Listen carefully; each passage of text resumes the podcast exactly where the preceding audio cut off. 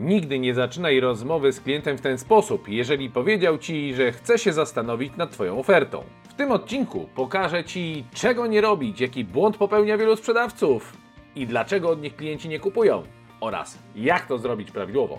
Zapraszam! Rolka, która zyskała ponad 1,5 miliona wyświetleń, to rolka, w której omawiałem temat tego, w jaki sposób nie zaczynać rozmowy w sytuacji, kiedy klient powiedział, że chce się zastanowić. Każdy ma takich klientów. Absolutnie każdy spotyka się z taką sytuacją, że klienci mówią, że chcą się zastanowić. Pytanie, co robić z nimi dalej? Jedni na przykład e, nie kontaktują się z nimi w ogóle i czekają, aż to klient po tym zastanowieniu podejmie decyzję, żeby zadzwonić do sprzedawcy i powiedzieć, że kupi. Wiemy, że większość nie dzwoni, bo w większości przypadków, kiedy klient mówi, że chce się zastanowić, jest to ukryta forma powiedzenia nigdy więcej się z nim zobaczymy, albo nie mamy o czym rozmawiać, poszukamy gdzie indziej na rynku. Ale najlepsi sprzedawcy stosują e, strategię tak zwanego follow-upu, czyli powracania do klientów, którzy odwlekają decyzję w czasie. I teraz tutaj za chwilę pokażę Ci, czego nie robić, jaki błąd możesz popełnić, a następnie wytłumaczę, dlaczego jest to błąd. W kolejnym kroku pokażę Ci, jak zrobić i dlaczego to jest dobre. Zacznijmy zatem od błędu. Jaki błąd popełnia więcej handlowców, czyli Nigdy nie mów tak do klienta, który powiedział, że chce się zastanowić, a ty dzwonisz do niego po jakimś czasie. Zobacz na przykładzie. Dzień dobry Panie Krzysiu. Czy już podjęliście Państwo może decyzję w sprawie naszej współpracy, no i może oferty? Jest to błąd przynajmniej z trzech powodów. Pierwszy z nich czuć, słychać i widać Twoją desperację. Oczywiście follow-up, czyli powracanie do klientów, którzy się zastanawiają, jest ważne, ale nie jest bez znaczenia, co powiesz, kiedy do nich dzwonisz. Pomyśl sobie o sytuacji analogicznej. Pomyśl sobie, że to ty jesteś klientem, być może byłeś czy byłaś i dokładnie taki telefon od sprzedawcy otrzymałeś. Co czułeś? Co sobie pomyślałeś, kiedy klient niczym taki błagający koło stołu piesek dzwoni, czy już zastanowiliście się Państwo nad ofertą? Czuć i słychać desperację. Czyli z jednej strony follow-up, czyli powracanie do tych klientów jest istotne, bo tylko w ten sposób przekonasz tych, którzy na pierwszym spotkaniu nie podejmują decyzji, ale w tym konkretnym przypadku, jak zobaczyliście na przykładzie, czuć lęk, czuć głód, czuć, że garnek z jedzeniem tego sprzedawcy jest pusty. I jeżeli ty mu od niego nie kupisz, to on najprawdopodobniej umrze z głodu. Fakt jest jednak taki, że ludzie nie kupują z litości. Nie kupują dlatego, że sprzedawcy chcą sprawić przyjemność. Kupują to, co uważają, że dla nich jest najlepsze, a robią to wtedy, kiedy mają przekonanie, że po drugiej stronie jest ekspert. Ekspert, od którego czuć zupełnie inne rzeczy niż desperację. Drugi powód to czuć ciśnienie na sprzedaż. Jest coś takiego w powietrzu, jest coś takiego w atmosferze rozmowy pomiędzy klientem a sprzedającym, jeżeli, a na pewno masz takie doświadczenia w swoim życiorysie, że rozmawiałeś ze sprzedawcami, którzy są zupełnie wyluzowani, którym jakby nie zależało na tym, żeby ci sprzedać jakimś cudownym trafem, to wtedy tobie zaczyna zależeć. Miałeś i miałeś na pewno takie sytuacje, gdzie czułaś, że ktoś cię dociska, że ktoś próbuje, tam dzwoni za tobą, niemal błaga o transakcję. I co wtedy czułaś?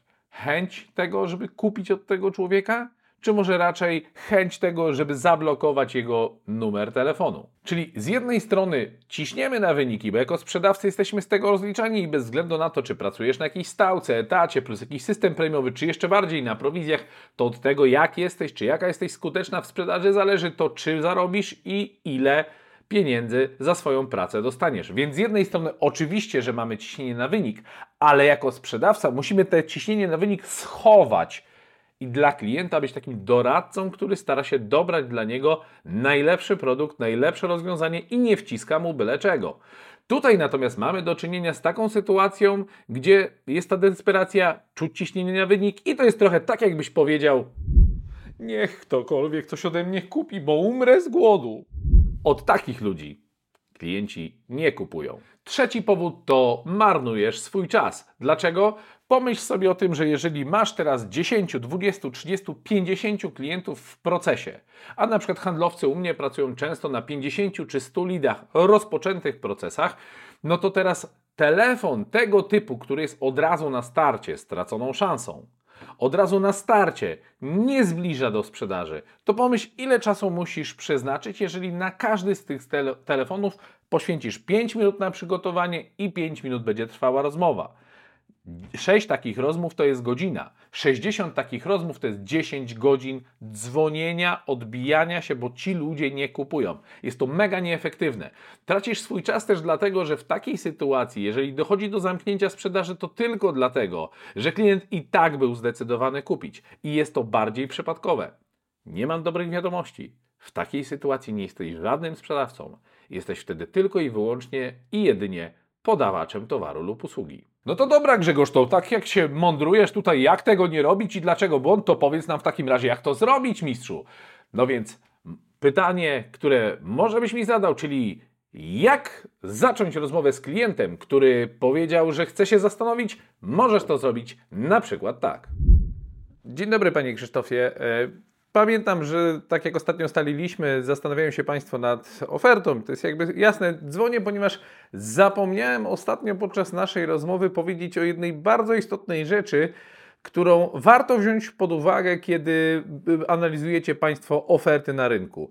Jest taka jedna rzecz, Dlaczego właśnie w taki sposób? Po pierwsze, pewnie jak widzisz na tym filmiku, czuć pewność siebie. Jakbyś zestawił ze sobą, czy zestawiła pierwszą scenkę i drugą, to masz diametralnie inne postaci, które dzwonią do klienta. W pierwszej sytuacji desperat, tutaj ekspert dzwoni po co? No właśnie, i to jest druga rzecz. Podaj powód, dlaczego dzwonisz. Jest coś takiego, że jak dzwonisz do klienta, który się zastanawia, to on wie, on doskonale czuje, on się spodziewa tego, że będziesz go naciskać na decyzję, żebyś chciał poznać decyzję. I to jest właśnie cały myk tego sposobu, że już klient ma ci powiedzieć, że jeszcze nie podjęli decyzji. On już chce się bronić, ale ty robisz coś zaskakującego. Pewnie wchodzisz do rozmowy, mówisz Dzień dobry Panie Krzysztofie. Wiem, że Państwo zastanawiacie się nad ofertą, ale dzwonię, ponieważ ostatnio zapomniałem o czymś powiedzieć. Tutaj używamy techniki wzbudzania ekspresowego zaufania, która się nazywa, kiedyś Piotr Tymochowicz, który pokazywał tą technikę, to jest tak zwany image słabości. Czyli e, ta technika polega na tym, że mówisz teoretycznie o jakiejś swojej wadzie, słabości czy niedopilnowaniu, które nie rzutuje całkowicie jakoś destrukcyjnie na Twój autorytet, ale pokazuje, jestem taki jak Ty, jestem taki jak Ty. Też potrafię się pomylić, też potrafię o czymś zapomnieć, ale jesteś dla mnie na tyle ważny, że zadzwoniłem Ci o tym powiedzieć. Ludzie, którzy potrafią przyznać się do błędu, z automatu wzbudzają nasze większe zaufanie. Nie ufamy plastikowym, idealnym ludziom. Dlaczego? Bo wiemy, że to nie jest naturalne. Każdy z nas popełnia błędy i każdy z nas się myli.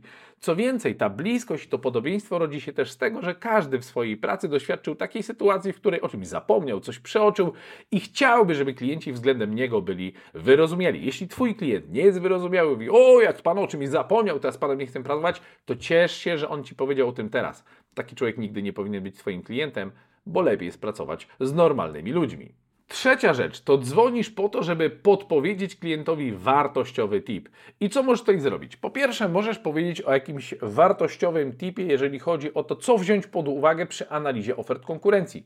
Pewnie jak działasz na swoim rynku, to wiesz, co konkurencja oferuje, na czym próbuje zbić cenę, czego nie dokłada i bez wymieniania konkretnych firm, mówiąc ogólnie o zjawiskach w branży, mówiąc na przykład wielu klientów, kiedy porównują oferty, to zwraca uwagę nie tylko na to, ile wynosi cena, ale na przykład co dokładnie wchodzi w jej skład i czy na przykład ujęto X, Y i Z, a Ty w Twojej branży wiesz już najlepiej, co to jest. Druga rzecz, którą możesz zrobić, to możesz powiedzieć o najczęstszych błędach popełnianych przy zakupie. Dzwonię powiedzieć też o jeszcze jednej rzeczy, bo zapomniałem na tą sprawę uczulić. Panie Krzysztofie, wielu klientów, którzy kupują e, e, ofertę na naszym rynku, czy produkt na naszym rynku, popełnia taki błąd. Sugerują się X, i przeoczają Y i przez to na koniec okazuje się, że zapłacili więcej niż gdyby wzięli pod uwagę te czynniki. Taka rzecz budzi u klienta wdzięczność, budzi u klienta zainteresowanie i ciekawość i zbliża waszą relację. I trzecia rzecz, którą możesz zrobić, to jest do wyboru, to możesz na przykład powiedzieć o tym, jak klient przy tym zakupie mógłby zaoszczędzić pieniądze. Być może to jest moment, żeby właśnie powiedzieć o jakimś pakiecie, o którym nie powiedziałeś. Czasami celowo można pominąć informację o rabacie, pakiecie czy jakiejś promocji w pierwszej rozmowie. Jeśli klient się zastanawia, to wykorzystać to do follow-upu, czyli właśnie do kolejnego telefonu, żeby mieć pretekst, żeby zadzwonić. Stosuję tą metodę od wielu, wielu lat i działa wyśmienicie. Po pierwsze, Klient docenia to, że o nim myślisz i dzwonisz z wartościową poradą. Po drugie, nie pytasz, czy już podjęli decyzję. O nie.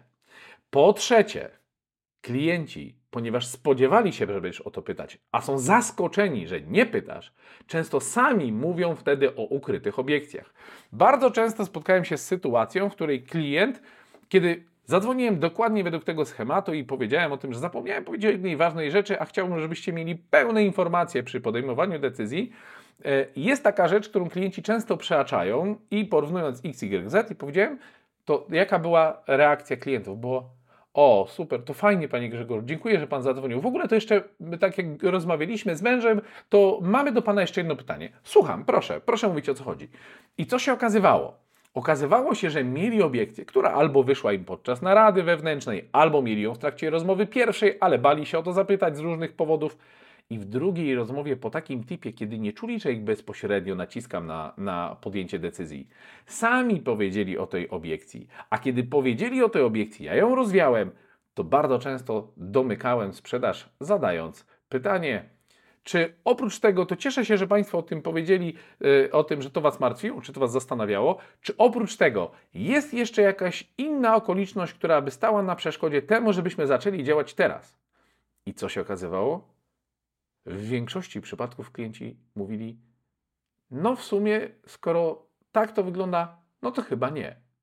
No i co jest ciekawe, wiele transakcji domknąłem właśnie tą metodą, dzwoniąc teoretycznie po to, że ja coś zapomniałem, pretekst do tego, żeby, e, żeby ta rozmowa mogła się odbyć i żeby klient nie czuł takiego bezpośredniego nacisku, że ja dzwonię po to, żeby sprawdzić, czy jest gotowy kupić. Mówiłem o tym, że co pominąłem, jakiejś fajnej poradzie. Klienci wyłaniali swoją obiekcję, a ja domykałem wtedy sprzedaż.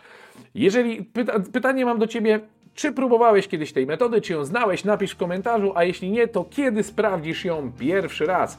Sprawdź i koniecznie wróć, daj znać również w komentarzu, jakie efekty. Jeżeli chcesz więcej takich porad, to koniecznie subskrybuj ten kanał, bo jak widzisz, publikuję na nim wiele tego typu merytorycznych podpowiedzi, które są z życia, które nie są tylko z książek, są z praktyki, przećwiczone w terenie i tylko to, co działa. Daj lajka w górę, daj łapkę w górę, nie lajka w górę, daj łapkę w górę pod tym filmem, napisz jakikolwiek komentarz, aby algorytmy YouTube'a poniosły ten film do innych osób, które może to zainteresować i widzimy się w następnym odcinku. Dziękuję bardzo, Grzegorz Celebon.